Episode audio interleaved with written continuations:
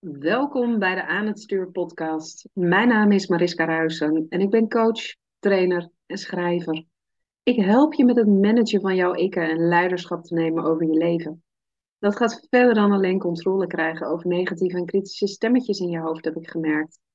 Leiderschap nemen betekent in contact staan met de diepste delen in jouzelf. Je archetypes herkennen is de eerste stap volledige vrijheid ontstaat bij het belichamen ervan. Pas als je volledig in je lichaam bent gezakt, kun je je opnieuw verbinden met jouw innerlijk kompas. Want die weet altijd de weg.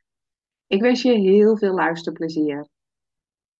Ja, fijn dat je er weer bent bij een nieuwe episode van de Aan het Stuur podcast. En uh, vandaag ga ik in gesprek met Katrien de Boer. Zij weet alles over leiderschap nemen, over je leven. We hebben een prachtig gesprek over hoe zij zichzelf uit de schaduw heeft gehaald na het overlijden van haar broer. En um, hoe dat haar mede heeft geïnspireerd om voor haar allergrootste passie te gaan. En hoe ze nu een grootse theaterproductie aan het neerzetten is. Uiteraard heeft hier Quantum ook weer een rol in gespeeld om dit proces te versnellen voor haar. Uh, laat je verwonderen door dit mooie en diepgaande gesprek. Begrippen. Klikken. Welkom, Katrien.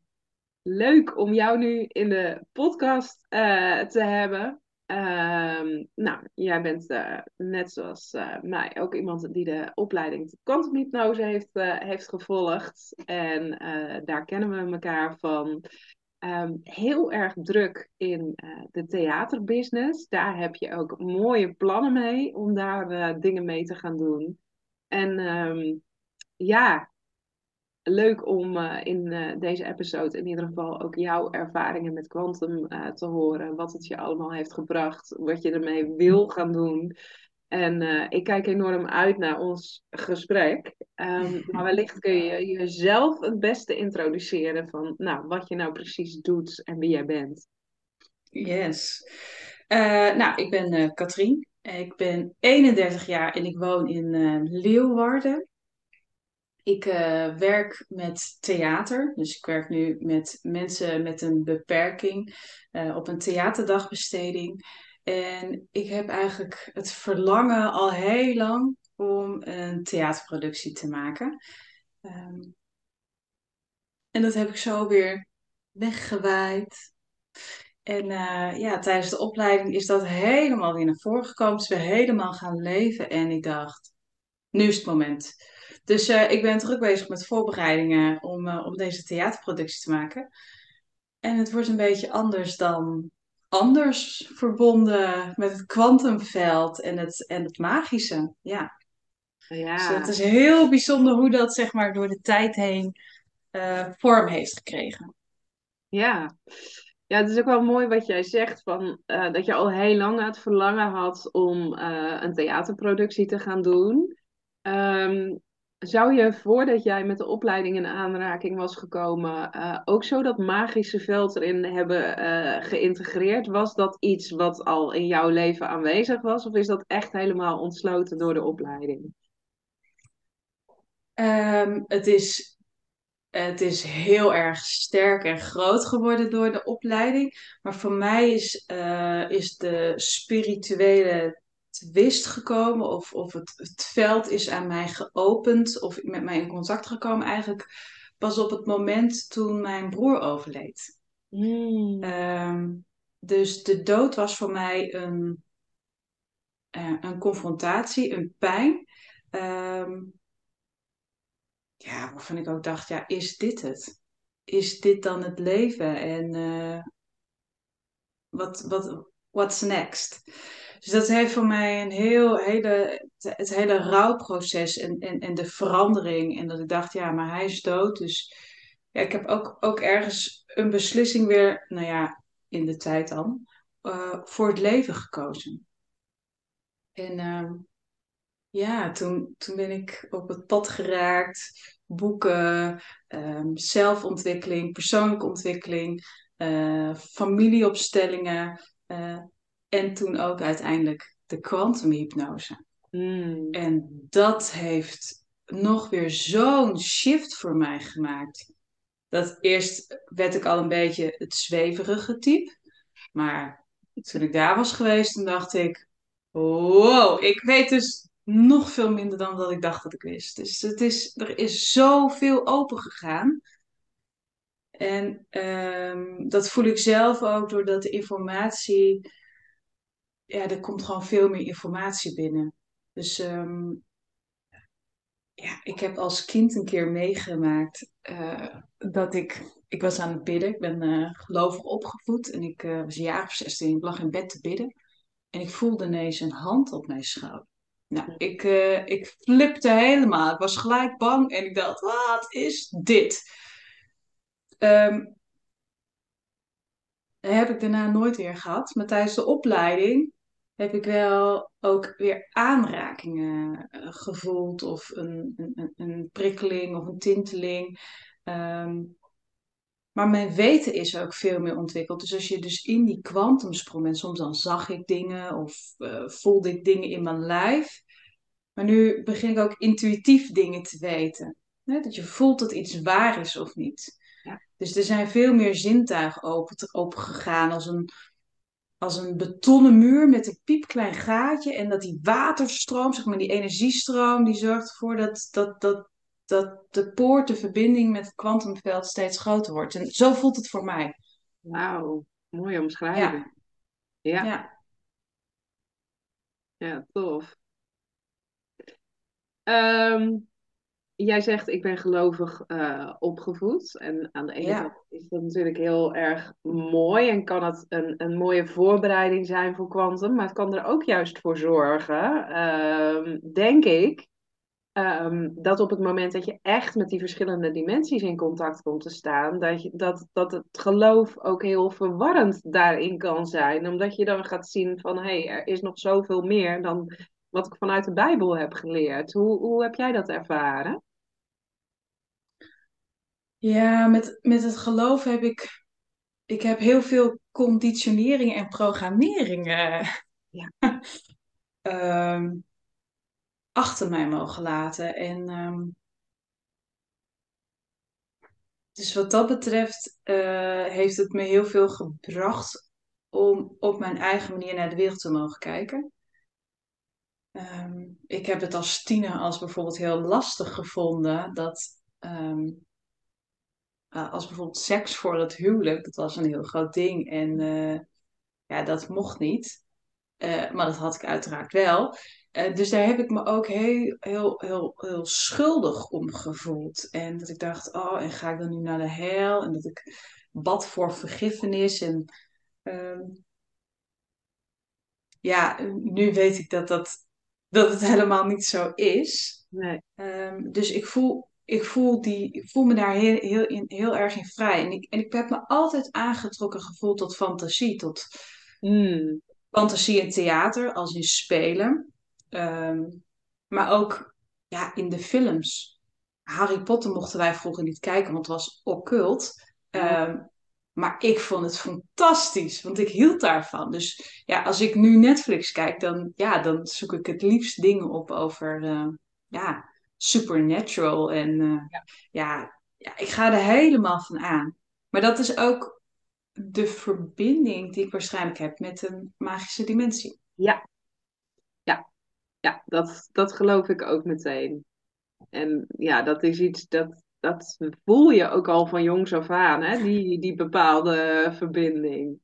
Ja. Ja, ja, ik vind dat ook, ook zo bijzonder om dat uh, ook terug te zien eigenlijk bij de mensen met wie wij de opleiding hebben gedaan. Dat er mensen zijn die zeggen, nou ja, weet je, die magische wereld van, van sprookjes en vreemde wezens, ik heb er niks mee. Ik zit meer in het engelenrijk, uh, bijvoorbeeld. En nou, ik heb een interview gehad met uh, Simone Wolfs, die zei, ik heb het met trollen. En ze zegt, ja, daar heeft iedereen zoiets van, van oh jee. Als Ja. mensen nu denken op de opname, wat is dit? Dan krijgt een kat een hoestbui. Dus eh, dat is het rare geluid wat je op de achtergrond hoort. Kan er ook even niet, eh, niet aan doen. Ehm, Maar ja, ik, ik vind dat zelf dus ook eh, heel gaaf. Dat je gaat ontdekken van... hé, hey, er is altijd een dimensie waarmee je al reeds vervlochten bent geweest. Ik heb nu Ja, vorige week mijn boek afgerond. En eh, dat heb ik naar drie proeflezers eh, gestuurd. Omdat ik natuurlijk heel erg benieuwd was naar feedback. En één daarvan is een, eh, is een vriendin van mij. En zij is zeer streng gelovig opgevoed. Heeft zich inmiddels ook wel voor allerlei vormen van spiritualiteit opengesteld. Maar ze zei, ja, weet je, jouw boek over Alice in Wonderland, ja, dit is natuurlijk een verhaal wat ik nog nooit gelezen heb. Want ja, dat, dat staat gewoon volledig buiten het geloof. En zij ja, gisteren weten, ik moet er steeds zo van huilen. Huilen? Eh, Wat bedoel je? Omdat het zo slecht geschreven is? Of ze zei nee, er zit een gevoel van thuiskomen in. En dat vind ik zo raar, omdat ik deze wereld dus bewust buitengesloten heb.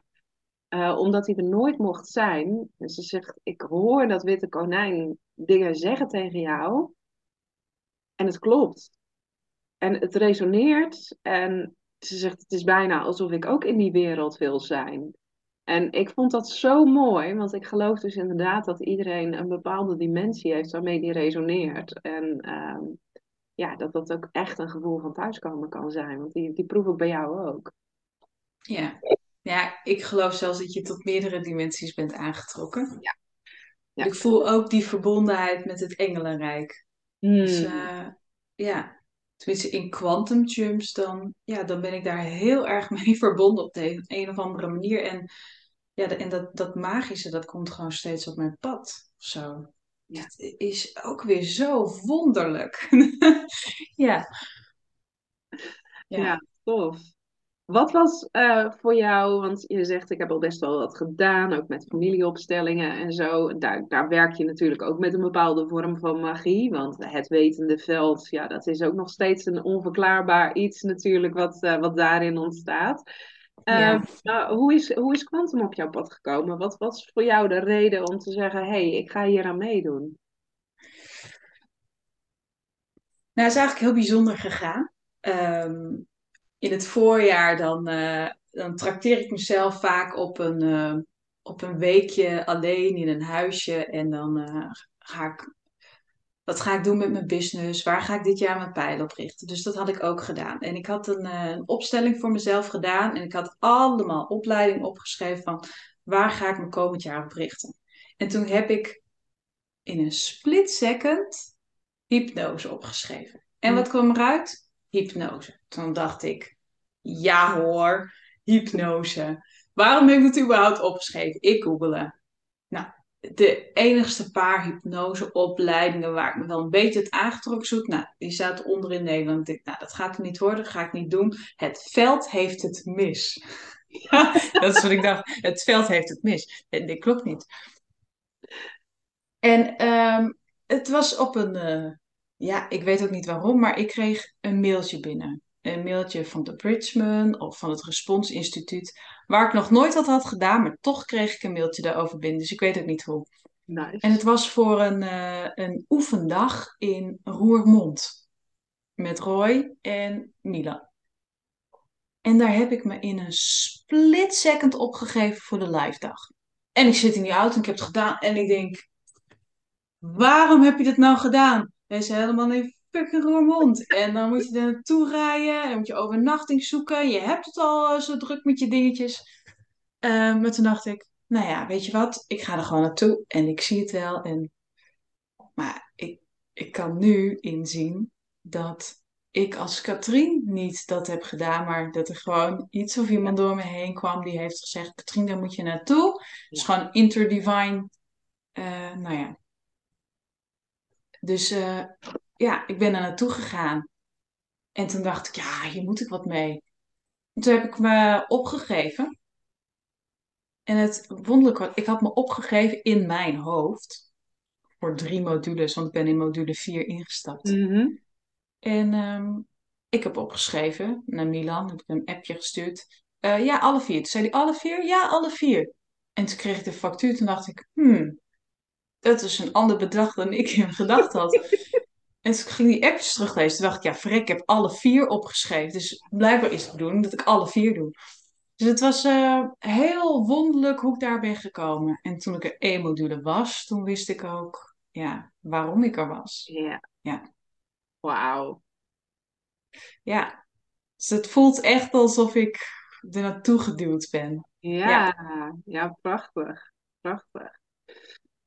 Ja, Ja, volgens mij heb jij tijdens de opleiding ook nog wel het een en ander kunnen helen en kunnen kleren rondom het overlijden van, jou, eh, van jouw broer. Hè? Is dat ook wel een belangrijk keerpunt geweest voor jou? Ja, er, er is zeker een. ehm, ja, dat thema is aangeraakt daar. Ja. Ja, ja, dat was wel heel bijzonder om mee te maken dat daar nog een stuk pijn op zat. Want was Dus al lang daar. geleden? eh, t- 2017, dus het is nu bijna zes jaar terug. Mhm. Ehm, en eh, hij is zelf uit het leven gestapt. Mm. Ehm, hè, dus dan hebben we het over zelfmoord, zelfdoding. Ehm, ja, en op de een of andere manier heb ik, ben ik een soort schuld gaan dragen, zo zou je het eigenlijk wel kunnen zien.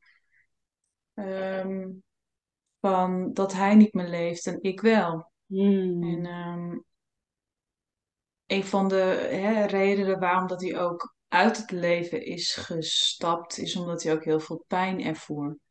Ehm, ja, dus er, er, er was sprake van, van seksueel misbruik. En dat heeft jarenlang aangehouden. En dat, ja, dat is echt wel een, nou ja, diep gewortelde pijn.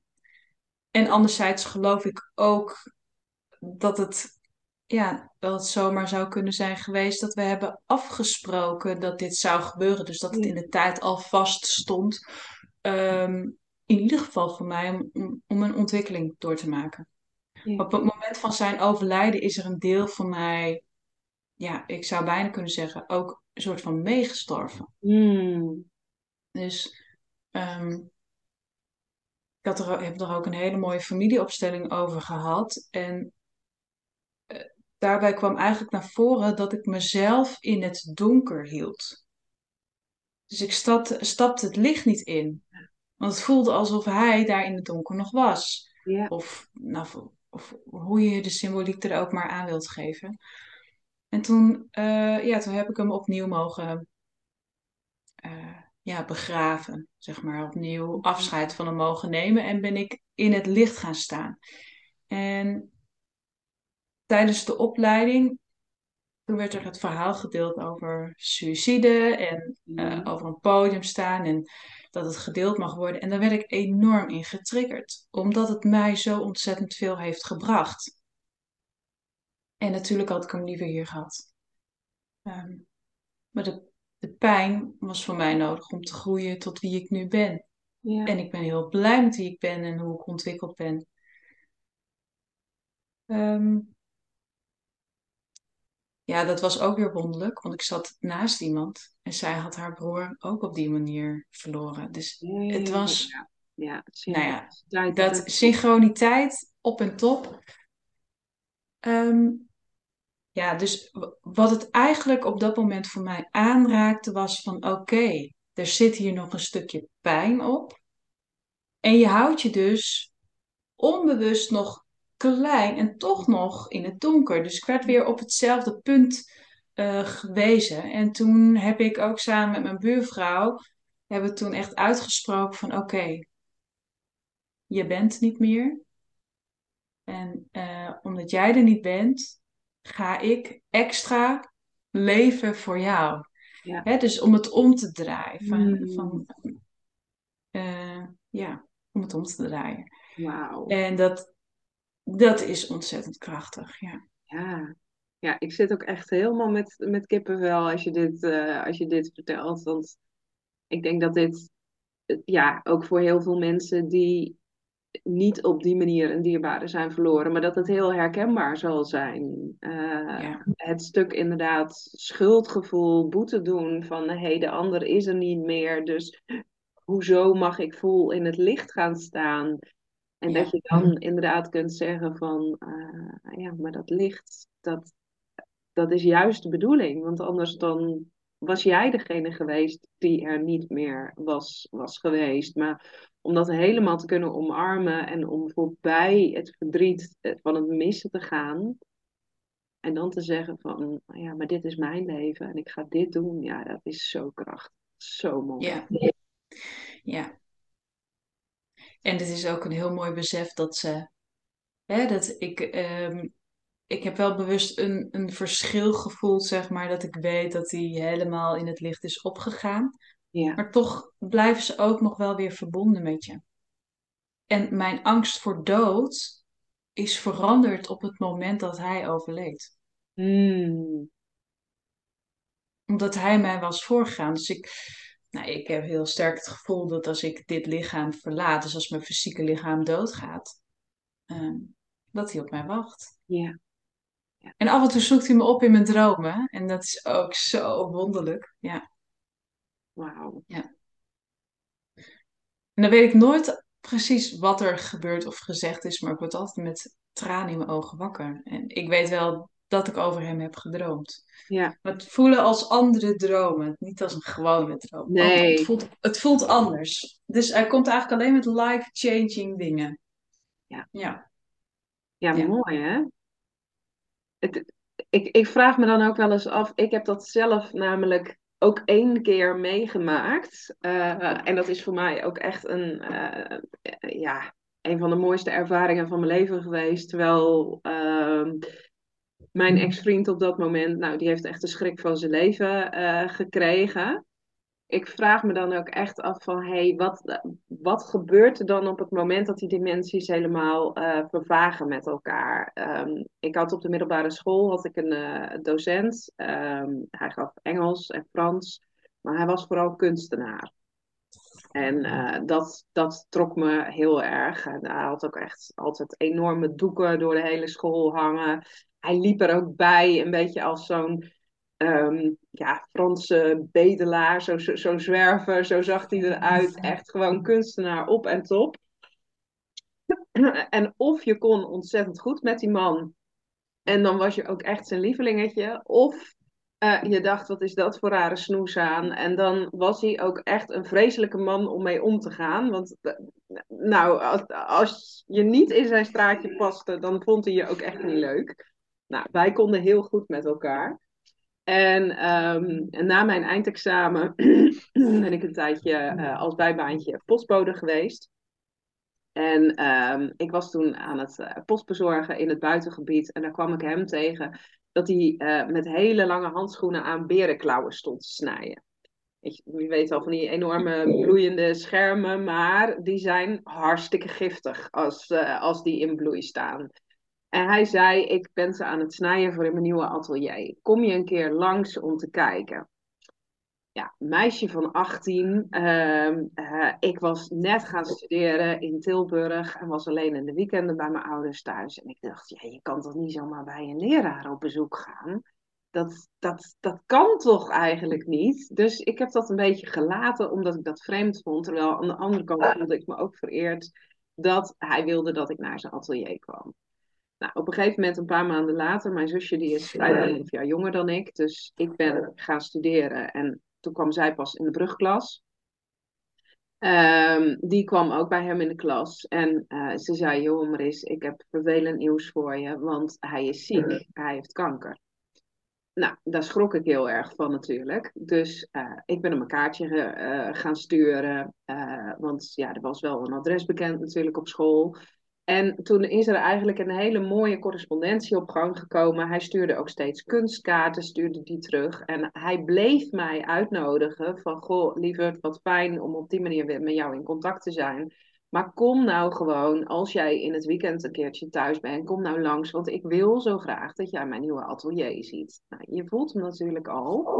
Um, ik kreeg het daar steeds moeilijker mee en heb dat dus niet gedaan. Want ja, ik wist niet wat ik aan zou treffen. Het was voor het eerst ook dat ik met een ernstige ziekte in mijn omgeving werd geconfronteerd. Um, ik wist gewoon niet hoe ik daarmee om moest gaan. Ik wist ook niet hoe ik me moest verhouden tegen die man. Dus uh, het is bij een kaartjesuitwisseling is het gebleven. Nou, op een gegeven moment zegt mijn zusje tegen me: ehm, Ik heb goed nieuws, want hij is weer op school. Dus het gaat kennelijk beter met hem. Ik zeg: Joh, heb je hem ook gesproken dan? Ja, ja, ja, want hij vertelde over zijn laatste project. Niet zijn nieuwste project, zijn laatste project. Hij vertelde dat hij met zijn laatste project bezig was. Nou, zij heeft dat toen ook niet opgepikt. Maar goed, een paar weken later was het kerst. Was ik bij mijn ouders en dan staat mijn moeder een beetje bedrempeld, bedrempeld in de keuken. En die zegt, ehm, ik moet je iets vertellen, maar ik denk dat je hier heel erg van slag van gaat zijn. Wat is er aan de hand? Dus zegt, ja, er staat een overlijdensadvertentie in de krant. En uh, hij, uh, ja, hij is al weg. Je kunt ook niet meer bij de uitvaart zijn. Ja, en ik was echt helemaal van slag. Dat laatste project, dat bleek dus zijn eigen doodskist te zijn die hij had gedecoreerd. Omdat hij uiteindelijk zelf uit het leven is gestapt. Want ja, er waren weer nieuwe uitzaaiingen. Hij had slokdarmkanker, dus hij zou uiteindelijk zijn gestikt. Dat wilde hij voor zijn. En hij wilde ook, omdat hij dus zo'n ontzettend populaire docent was, wilde hij eigenlijk ook dat uh, zijn familie de kans zou krijgen om afscheid te nemen. En niet dat het helemaal met uh, leerlingen uh, um, omgeven zou zijn, die uitvaart. En ik weet niet waarom, maar ik heb daar zo verschrikkelijk veel last van gehad. Ik stikte echt bijna in mijn schuldgevoel van verdorie, hij is me uit blijven nodigen om langs te komen. En ik heb het gewoon niet gedaan, omdat ik zelf te druk was met mijn studentenleven, met andere dingen. En dit, dit was een man die zo mooi en zo puur was en ik heb het niet gedaan. Nou, ik heb daar denk ik een jaar lang mee gezeten. Het ging op dat moment ook echt mentaal niet zo heel erg lekker met me, want ik heb daar ik weet niet eens waarom. In dezelfde periode is mijn opa ook nog overleden. En ik heb met het overlijden van mijn opa minder moeite gehad dan met het overlijden van die docent. En op een gegeven moment heb ik een droom gehad. En in die droom was hij bij me. En dat voelde inderdaad ook niet als een, uh, als een droom. Dat voelde, uh, dat voelde heel anders. Um, en toen was hij daar en toen heeft hij ook echt tegen mij gezegd van weet je, lieverd, laat het los. Ik ben op geen enkele manier boos op jou en uh, uh, jij moet verder met jouw leven. Ik wil niet dat jij jezelf in de schaduw zet. Precies eigenlijk wat jij zegt. Um, om, omwille van dat er in onze communicatie misschien dingen anders hadden kunnen gaan. Jij moet jouw leven gaan leven. Jij staat nog aan het begin van je leven en ga gewoon. Nou, het is een uitermate liefdevolle en helende ervaring geweest. Maar ik werd wakker. En mijn ex, uh, met wie ik op dat moment net was gaan samenwonen, die zat met zulke grote ogen in bed. En die was echt aan het hyperventileren van Jezus, ik dacht dat jij doodging.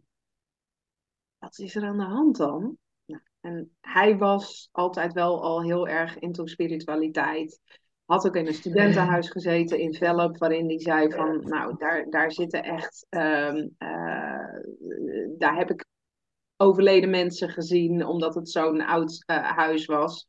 Hij zei, ja, ik werd wakker vannacht en er was een enorm licht in de kamer. En dat herken ik, want dat heb ik in dat studentenhuis wel eens meegemaakt. Dus hij zegt, ik wist dat er een aanwezigheid was. Maar jij lag naast me in bed en jij hebt alleen maar liggen roggelen. Dit liggen doen. En wat ik ook deed, ik ben aan je aan het rukken geweest, aan het trekken geweest. Ik heb je zelfs in je gezicht geslagen, omdat ik wilde dat je adem zou halen. En jij was en je bleef weg. Hij zei, dit heeft voor mij zo ontzettend vijandig gevoeld. Terwijl ik alleen maar dacht, die man die is bij me geweest. En ja, dit, dat is de manier geweest waarop hij aan zijn einde gekomen is. En waardoor hij dus zelf heeft gezegd, nog voordat hij daadwerkelijk zou stikken, van ja, ik pleeg euthanasie, want, want dit gaat zo niet meer. Maar ja, dat vond ik wel echt bizar dus, uh, hoe ver dat dan kan gaan. Dus als jij zegt van, als mijn broer bij me is geweest, dan is dat geen droom. Nee, dat geloof ik dus ook. Dan is het echt iets anders aan de hand. Dat is overigens ook wel een moment geweest, en toen was ik begin twintig toen dat gebeurde, um, dat ik dus jarenlang afstand heb genomen van spiritualiteit. Want dat ik mede door het verhaal van mijn ex zelf ook zoiets had van oeh, dit, dit is wel eng als dit soort dingen kunnen gebeuren. Ja. Dus, waar laat je je mee in? Ja, Zo. Wat weten we dan toch eigenlijk weinig, hè? Ja, bizar hè? Ja. We hebben geen flauw idee van wat er allemaal mogelijk is. Ja.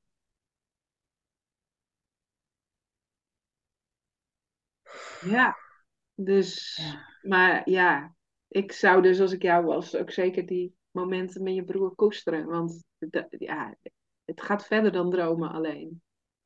Ja,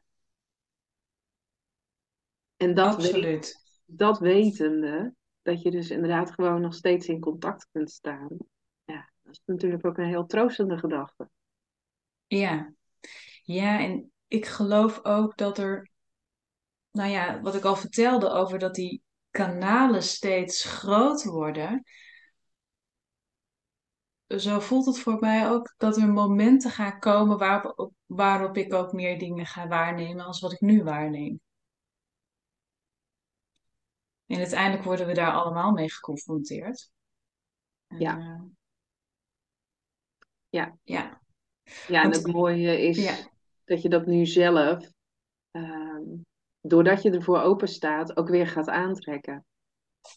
Ja. Ja, en om dan weer even een bruggetje naar de theaterproductie te maken, daar ga ik ook werken met die onzichtbare wereld.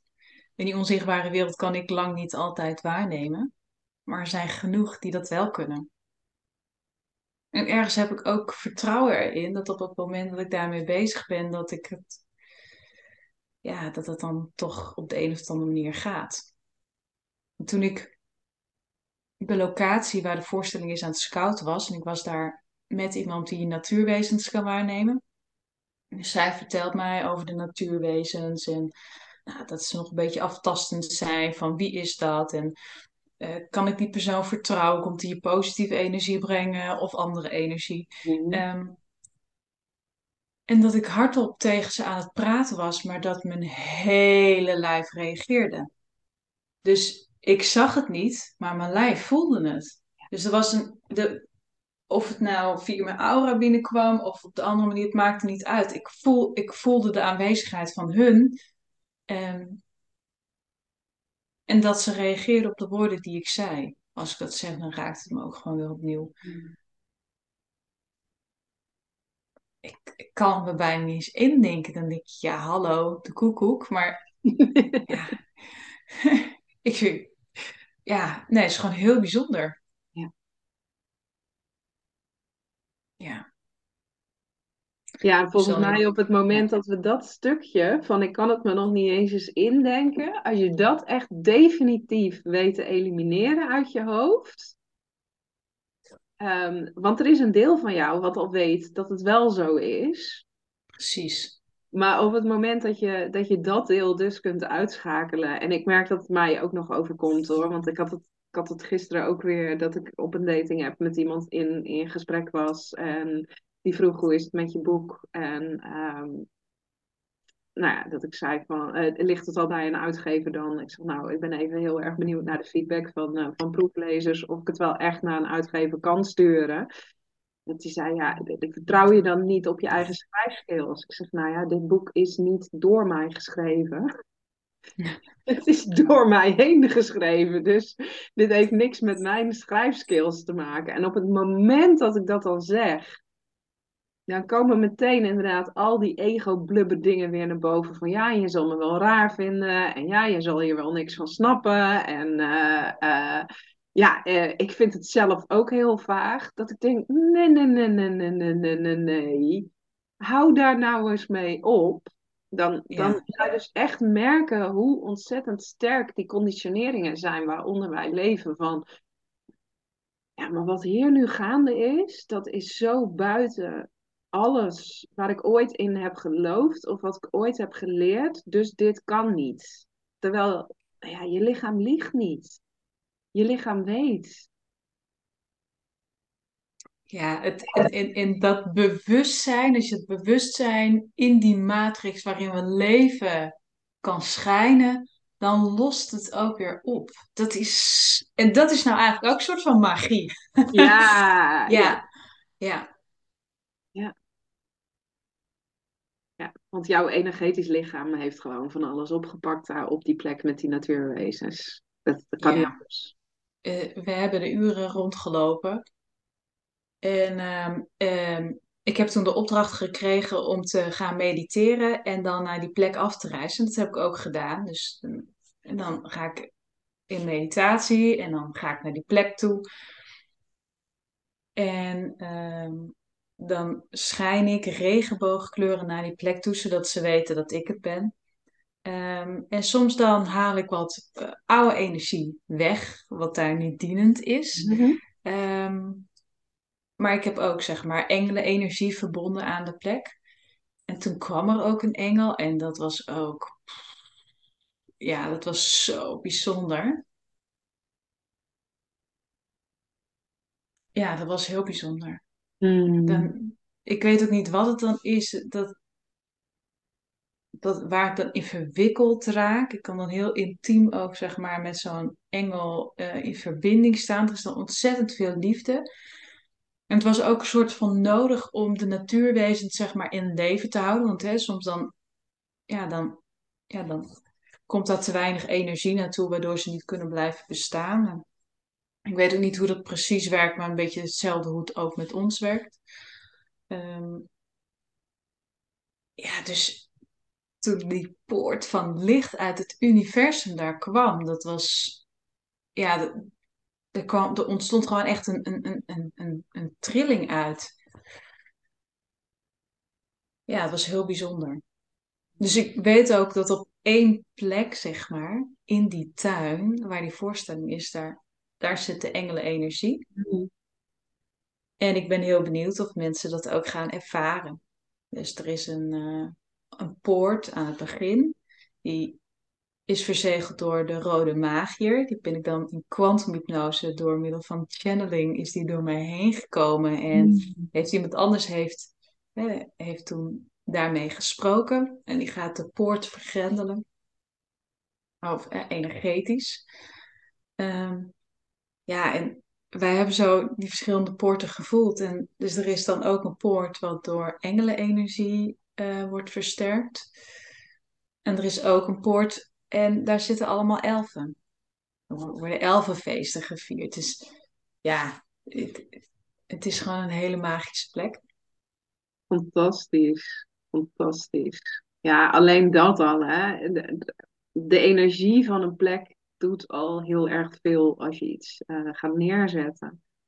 Ja, en als je mensen dan kunt meenemen in die energie, ja, dan, dan kan het niet anders dan dat die theatervoorstelling heel, heel, heel erg bijzonder gaat, eh, gaat zijn. ja, Ja, ja, maar zo, zo voelt het ook. ja. Want ik heb toen in de, tijdens de opleiding was ik met iemand aan het oefenen. En ehm, ik heb dat via, verhaal jou natuurlijk al verteld, maar ik zal hem nog een keer vertellen. Ze waren aan het oefenen, iets over je roeping of wat je ging doen. Tijdens de hypnosesessie zelf ervoer ik niet zo heel veel. Ehm, maar ik had wel een heel bijzonder gesprek met degene die mij onder hypnose had gebracht. Want die vroeg mij na de sessie van, Katrien, heb jij geldproblemen? Geldproblemen? Ehm, nee, voor zover ik weet heb ik geen geldproblemen. Ik zei, nou, ik weet niet waarom, maar ik heb het idee dat ik jou geld moet geven. Oké. Nou ja, geld is energie, dus je mag me altijd liefde sturen. Dus ik terug naar mijn slaapplek. Ik zei, oh jongen, wat ik nou weer heb meegemaakt. Nou, oh, bijzonder. Ik kom daar aan, want ik sliep in een tentje. Het was zomer op de camping. En ehm, sjoe, sjoe, sjoe.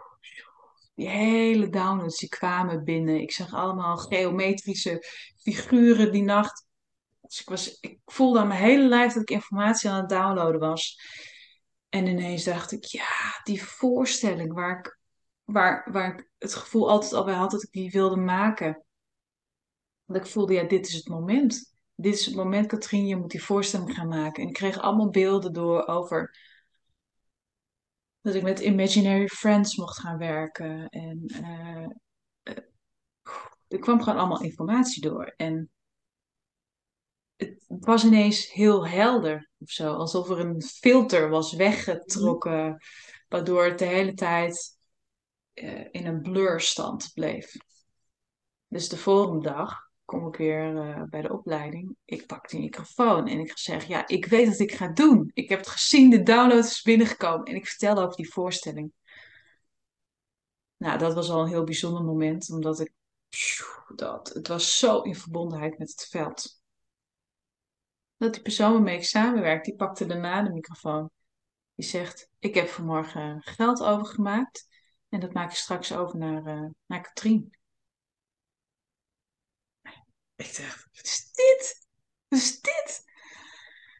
En het was voor mij zo'n groot teken, omdat ik de intentie had genomen van dat ik helderheid wilde over wat ik na de zomer ging doen. Ga ik terug naar mijn werk daar of mag ik wat anders gaan doen?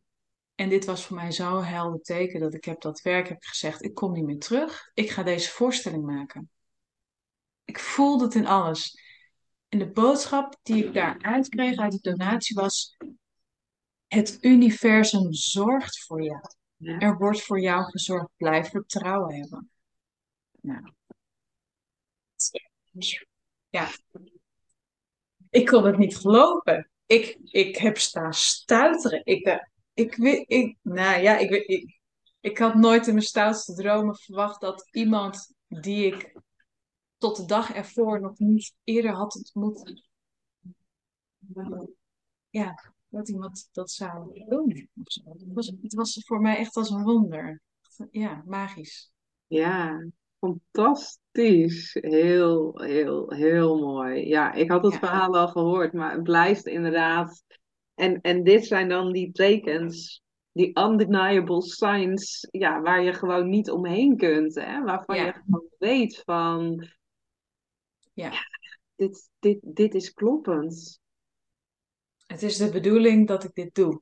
Ja, ja, absoluut. En, en in datzelfde blok heb ik toen ook gevoeld dat het helemaal uitverkocht is.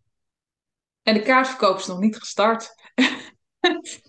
maar dat is zo bijzonder dat je dat kunt voelen. Ja. En, volgens, en dat heb jij ook gevoeld hè, met jouw boek. Ja, dat heb ik zeker gevoeld uh, met, uh, met mijn boek. Overigens merk ik wel nu, uh, ik ben benieuwd hoe dat dan voor jou zal zijn naarmate het dichterbij komt. Maar ik merk ook dat, het, dat er een verschil zit in. Um, toevallig heb ik er vanochtend net een podcast over gepubliceerd. Er zit een verschil tussen wat je in kwantum ervaart en um, wat jouw zenuwstelsel, jouw lichaam doet. Want in jouw lichaam zitten ook gewoon nog oude programmeringen, oude dingen zitten daar vast. En nou, ik, ik schrok ervan. Ik weet nog heel goed toen ik in 2019 mijn eerste boek publiceerde. Dat was een heel ander boek. Dat, is, dat was voornamelijk theorie. Dat was, waren voornamelijk dingen die um, uh, ik zelf vanuit mijn praktijk had meegemaakt. Dus, dus daar zit ook een hele andere energie in dat boek. Um, en ik schreef het ook in no time, net zoals dat ik dit boek heb geschreven. Maar op het moment dat het toen out in the open was, ik vond het prima als vreemden mijn boek gingen lezen. Alleen als echt uh, mensen die dicht bij mij stonden.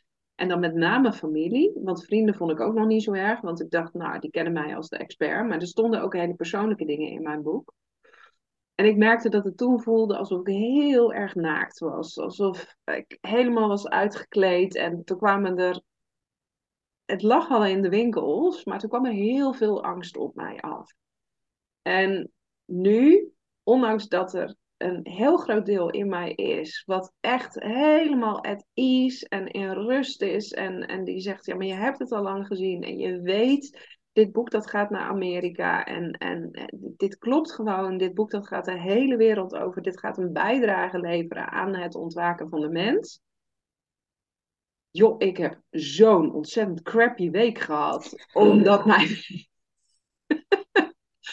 omdat mijn lichaam, mijn, mijn energiesysteem iets anders vond. En dat, dat heeft natuurlijk ook alles te maken. Daarom vind ik het ook zo gaaf uh, wat jij met Veronique gaat doen, uh, die kwantumreizen door de chakras heen. Um, dat heeft natuurlijk ook alles te maken met um, hoe heb jij je chakras uitgelijnd. Want we kunnen wel lekker hier die bovenste chakras en zeggen: dit is wat er gaat gebeuren. En ik weet dat mijn theatershow uh, gaat zijn uitverkocht. Maar op het moment dat je dat niet helemaal in, die, in dat onderste deel van jouw lichaam uh, kunt ownen en dat onderste deel van jouw lichaam ook bewoont, en dan zeker natuurlijk je basischakra ook, je, je wortelchakra, wat over je bestaansrecht gaat, dan gaat het niet gematerialiseerd worden. En nou, dat was voor mij, toen ik vanochtend die podcast opnam, ineens zo'n realisatiemoment van, oh hé, hey, ik ben in mijn enthousiasme rondom kwantum uh, zelfs misschien wel een tijdje doorgeschoten in, joh, alles wat ik op het gebied van traumawerk en op lichaamswerk heb gedaan. Het was allemaal mooi, maar in kwantum zijn de antwoorden te vinden. Nee, het is en-en. Want zolang jij jouw fysieke lichaam niet mee kunt nemen in datgene wat er in kwantum voor jou ligt, en, en je je fysieke lichaam daarin niet veilig kunt laten voelen van het is oké dat jij deze stappen gaat zetten, dan kom je er niet. Hmm. Ja, het is, het is echt vertrouwen blijven houden. Ja. Maar dat vertrouwen zit aan de onderkant van je lijf, hè? Dat heeft, dat heeft, niks, dat heeft niks met dit deel te maken. Absoluut, absoluut, absoluut. En, en, en er zijn tegelijkertijd ook verschillende tijdlijnen. Ja.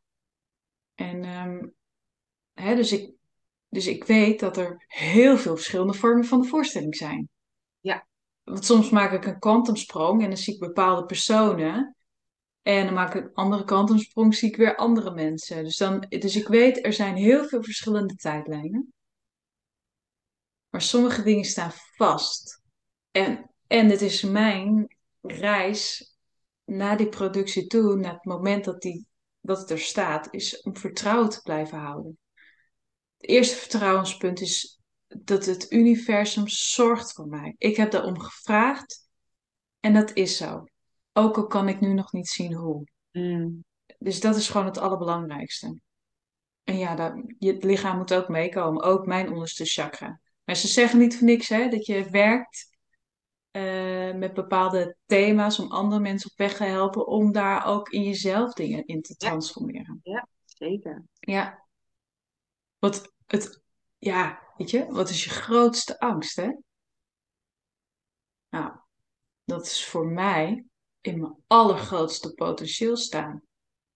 Ah, ik, oh, ik, ik wil het zo graag. Ik vind het zo fantastisch. Ik heb er al heel veel blokkades en zo op, op verheven. En het voelt ook nu, ik voel ook de shift van tijdlijn. Dus um, ik heb me eerst nog een beetje verscholen in voorwerk en dingen opzetten richting die voorstelling. Maar ik voel ook dat ik nu op die shift zit. Ik mm. stap naar die andere tijdlijn. Die voorstelling die gaat er komen. Ja. Terwijl, want ik, ja. Ik ga in die tijdlijn staan met dat potentieel. Want ik bezit het al. En het enige wat me tegenhoudt zijn die programmeringen. Dat is een soort van de matrix waar we in, in vast worden gehouden. En dan komt weer een stukje bewustzijn op. En dan komen we terug. En hoe meer bewustzijn, hoe, dan heeft het geen vat meer op ons. En daar zit ik nu in in, uh, in mijn baarheid, in mijn zichtbaarheid, in mijn vruchtbaarheid. Ja. ja. In de wereld zetten. Ja. Ja, dat, ja heel mooi. En wat doe jij dan? Want het is inderdaad een hele mooie die jij aanhaalt. Van je grootste angst zit in je allergrootste potentieel leven. Uh, uh, die, ja. die herken ik ook. Uh, aan de ene kant zo'n zo'n stemmetje wat we gisteren eh, letterlijk staat uit gaan te trappelen van oh hey, er heeft iemand nog maar een paar uh, woorden gelezen in mijn boek en die moet al huilen ervan. Jee, jee, jee. En aan de andere kant, oh, oh, oh, oh. Maar als dit nu al gebeurt. Weet je, die, die, die push-pull die is, die is heel erg voelbaar. Wat doe jij dan om steeds weer uit te lijnen met die hoogste versie van jezelf, waarin je zegt, ja, maar hé, hey, ik kies er wel voor om in dat licht te staan? ik doe dat op verschillende manieren. en dat heeft ermee te maken dat soms mijn spanningsboog niet op één punt vast kan zitten. Dus eh, ik kan een tijdje, eh, nou, dan kan ik dagelijks steppen. Of dan, eh, en dan ineens laat ik dat weer liggen. Dan ben ik weer bezig met de Quantum Movie. En dan weer even mediteren. Dan maak ik weer wat kwantumsprongen. Dus het, het zijn soms wat verschillende dingen. Mhm. Ehm, ik heb voor mezelf een paar stenen om mijn hals hangen. Oh, Ik weet de namen weet ik er niet van. Eh, ik Mhm. weet wel dat de een mijn hartverlangens versterkt en de ander, dat is de witte, die zorgt weer voor dat ik geaard en gegrond ben. Dus deze stenen heb Mm. ik uitgezocht om mijn droom te manifesteren. Ehm, ik ben ook bezig met eh, supplementen, waardoor ik ook eh, nou ja, zorg dat mijn hormoonhuishouding wat meer in balans is. Nou, daar ondervond ik wat problemen in. En ik voel ook dat ik daardoor ook meer energie krijg. Mm. Dus er zijn ja, wat ja, verschillende manieren. Dus ehm, als het volle maan is en ik ga buiten staan en ik verbind me met de maan of ik doe een, een grondingsoefening, ja, ja, dan voel ik dat al. Ik, ehm, het lege midden opzoeken. Ja, mooi. Dat, dat is de term die ze gebruiken bij, bij opstellingen. Dus je Mhm. gaat naar het lege midden. En in het lege midden zijn alle antwoorden. En in het lege midden zijn mijn zorgen niet, zijn mijn programmeringen niet. Die, die doen het daar niet toe. Dus als ik rekeningen binnenkrijg, ja, dan kan ik eh, mijn programmeringen raken in stress. Maar in het lege midden, die rekeningen, dat is niks. En in het lege midden mag je dat vertrouwen weer hebben. Dus dan mag ik weer voor mezelf even voelen, oh ja, er wordt voor mij gezorgd. Ik heb dat eerder zo ervaren en dat is nog steeds zo. En ze zeggen ook altijd, dat probeer ik mezelf dan ook voor te houden, dat ehm, dus het dan hebben over de donkere nacht van de ziel. Je, dat je eerst iets heel zwaars meemaakt voordat het pas lichter wordt. Dus als de dood van mijn broer, zeg maar, als ik dat zware niet had meegemaakt, dan had ik mijn leven op dezelfde manier waarschijnlijk doorgekabbeld en misschien wel wat dingetjes ontwikkeld, want dat Mhm. zit ook in het aard van het beestje. Dan had ik niet in dit grote licht al kunnen staan. Dus als het dan even donker voelt, ja, dan mag ik me ook herinneren dat de zon weer schijnt achter de wolken. Het is echt voor mij een kunst van vertrouwen. Dus, eh, En ik heb hele lieve vrienden waarmee ik dan eventjes mag Ja, spuwen. En eh, dat ik even op een plaats word gezet ja. van waar. Van eh, ja, maar dit is, dit, dit is hier aan de hand. Dus ja, elke keer gaat het over bewustzijn. En zodra het bewustzijn er Mhm. is, dan verdwijnt het ook weer. Ja, dat is mooi, hè? Dat het er eigenlijk alleen maar hoeft Ja, te zijn. Dat je eigenlijk alleen maar hoeft te zeggen: Oh, hallo, is dit wat er aan de hand is? En dan lost het eigenlijk al op. ja, Het kunnen zien voor wat het is. ja. En het bijzondere is, want als je terugdenkt over de tijd die ervoor was, heb ik vaak dit soort dingen meegemaakt. Maar ik kan me niet eens meer herinneren wat het was. Ja. Dus sommige dingen hebben wel impact gemaakt natuurlijk. Dat ik het, en dat, dat, dat de dood van mijn broer, daarvoor dacht ik dat ik een heel druk leven had. Ik denk, oh, ik heb een druk en ik heb een zwaar leven. En. En er werd alles in een ander perspectief gezet. En toen dacht ik, nee, dat is helemaal niet waar.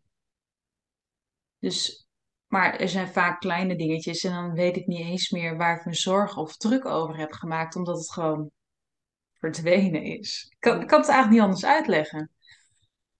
Alsof je een, als je een andere werkelijkheid instapt of je verwijdert een programmering die je altijd hebt gehad, maar als die verwijderd is, dan weet je niet meer wat voor programmering dat het was. Ja, ja. Ja, dan is hij, dan is hij echt uit je systeem. Maar als je hem niet meer kunt herinneren, ja, ja, ja, ja. ja, mooi. Dus Ja, en dat is het werk wat we hebben te doen, hè? Die programmeringen opsporen en eh, ze deleten. ja, Ja, mooi. Heel mooi. En als mensen nou meer willen weten over die theatervoorstelling, die nu al heel erg mystiek en magisch klinkt. Waar kunnen ze jou gaan volgen? Waar is er meer informatie over beschikbaar? Want ja, eh, het duurt ook nog eventjes voordat hij er is. Maar ik kan me voorstellen, ja, deze, deze episode blijft natuurlijk ook gewoon op YouTube en zo staan. Dus er zullen ook mensen zijn die dit in een later stadium zien. Yes. Ja, en sowieso als mensen zich geroepen voelen. Dus als je een, een roeping voelt vanuit, vanuit je essentie, vanuit je binnenste. En je hebt het gevoel iets met mij te willen delen of iets te willen betekenen in de productie, dan zou ik zeggen, neem altijd contact met mij op. Uh, want ik vertrouw erop dat, ik heb een magnetisch veld zo uitgezonden, dat de mensen op magische wijze ook naar mij toe gaan komen. Hmm. Dus dat wilde ik allereerst gezegd hebben. Uh, mensen kunnen mij vinden op uh, social of op mijn website. En dat is uh, Hartkriebels. Dus www.hartkriebels.nl. Ze kunnen me mailen naar info.hartkriebels.nl of me een berichtje sturen op Instagram. Yes. Helemaal goed. Ik zal het ook in de show notes erbij zetten, zodat mensen jou weten, weten te vinden. Ja, is er nog iets wat we nog niet hebben aangeraakt waarvan jij zegt, nou, dat, dat, dat wil ik toch in ieder geval nog gezegd of gedeeld hebben? Ik ga even voelen. Ja.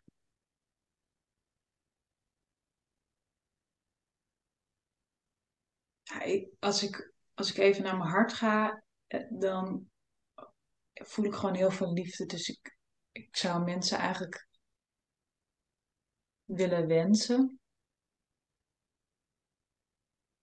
dat ze zich verbinden met hun hart en leven vanuit liefde en licht. Dus, uh, dus ik zet even de intentie in het veld neer. Dat er iets in jou mag openen als je hebt geluisterd naar deze podcast. Ja. Nou, weet ik zeker dat dat al is gebeurd. Want Um, ik heb heel veel kippenvel momentjes gehad tijdens dit gesprek. Hm. Juist omdat het vanuit zo'n pure plek kwam. Uh, ik denk ook dat het heel veel mensen heel erg veel troost gaat bieden. Uh, in die zin ja, weet je, als het over zware beladen onderwerpen als de dood of suïcide gaat, heel vaak verzand je dan in, in discussies over ehm, eh, in boosheid blijven hangen of met vragen achterblijven en de waarom. En ehm, natuurlijk, dat zal er in jouw proces ook allemaal zijn geweest. Maar wat ik, wat ik zo ontzettend mooi en zo ontzettend knap vind. Ehm, is dat het jou gelukt is om daar bovenuit te stijgen en eigenlijk via een soort van helikopterview te kunnen zien van, nou ja, weet je, het heeft heel erg veel verdriet en pijn veroorzaakt en het gemis zal er altijd zijn, maar er is ook een andere kant. En die andere kant heeft er wel voor gezorgd dat ik gegroeid ben als persoon. En dat is, denk ik, zo'n ontzettend intens belangrijke boodschap die je mee kan geven aan luisteraars. Want dat is los van welk proces dan ook. Dat geldt gewoon natuurlijk altijd. Met alle moeilijkheden, met alle uitdagingen waar we in ons leven mee worden geconfronteerd. Als je kunt zien, het universum is er voor mij in plaats van tegen mij. Dan pak je zelf de regie weer terug. En ik, ik ben heel dankbaar voor dit gesprek. Ehm, omdat jij zo mooi laat zien van hé, hey, die regie die heb je ten alle tijde zelf. Jij kiest. Ja. En ik voel ook dat ik nog even mag zeggen dat als mensen geraakt zijn door dit verhaal en zelf worstelen met, met deze gevoelens, dat ze daar ook over met mij contact mogen opnemen. Dat ik daarvoor ja. open sta. Want ik weet dat het een heel lastig proces is en dat iedereen daar weer heel anders op reageert. En dat, dat heb ik ook ervaren. Dat ik was dan de zus van, maar mijn ouders hebben het weer heel anders gedaan. Zijn vrienden hebben het weer heel anders gedaan. Um, en het is een ongoing proces. Daar zit niet een begin of een eindtijd aan. En dat, ehm, ja. Dus mocht je daar ja, iets over willen delen, of je bent erin geraakt, of je wilt weten hoe ik bepaalde dingen heb gedaan, ja, neem gewoon contact met mij erover. Daar sta ik voor open. Mooi. Heel Ja. mooi. Ja, dank, je- dank je wel. En ehm, ja, los van die, van die zware boodschap natuurlijk, die, eh, die er ook was, maar tegelijkertijd een boodschap met heel veel licht. Ook eh, super fijn dat jij hebt gedeeld over je theaterproductie. En ik weet zeker dat je daar heel veel mensen al nieuwsgierig naar, Ja. eh, naar hebt gemaakt. Ja. En ja, voor de luisteraars, ik ga er mogelijk ook een, een rol in vervullen. Dus, of nou ja, ik weet niet eens of ik dat zal zijn of ehm, nou, iemand die door mij heen komt. Dat gaan we, dat gaan we ervaren, dat gaan we zien. Ehm, maar ik kijk er heel erg naar uit, eh, naar al het moois wat er eh, via jou nog de wereld in komt. Ja, ik ook. En ik voelde zoveel, ja, zoveel joy uit. Dat als ik, als ik er echt helemaal mee verbind, maar dat zie je ook, dan, oh, dan bruis ik van de energie. Ik word er zo enthousiast van. Dus eh, ik weet ook dat het, dat het helemaal de bedoeling is en dat ik helemaal op mijn lijn zit. Ja. Ja, ja, ja. Dankjewel. Dankjewel voor dit mooie gesprek. Jij ook ontzettend dankjewel. Tof dat je weer luisterde naar een episode van de Aan het Stuur podcast. Katrien gaf het al aan. Mocht je op enige wijze zijn geraakt door deze aflevering, benader haar dan vooral via Instagram. Dan uh, mag je dingen met haar delen. Dat mag met mij uiteraard natuurlijk ook altijd. En denk je nu, hey, er werd hier iets in mij aangeraakt. Uh, ik zou wel graag eens willen ervaren wat kwantum voor mij zou kunnen doen. Aarzel dan niet en stuur me vooral een berichtje. En dan ga ik heel graag met je in gesprek of de Feminine Journey voor jou de place to be is. Of dat we een één op één hypnose traject aangaan met elkaar. Laat ons in ieder geval weten uh, door deze podcast te delen wat je van de aflevering vond. Vinden we ontzettend leuk om terug te horen. En ik zie je heel graag weer snel in een nieuwe episode.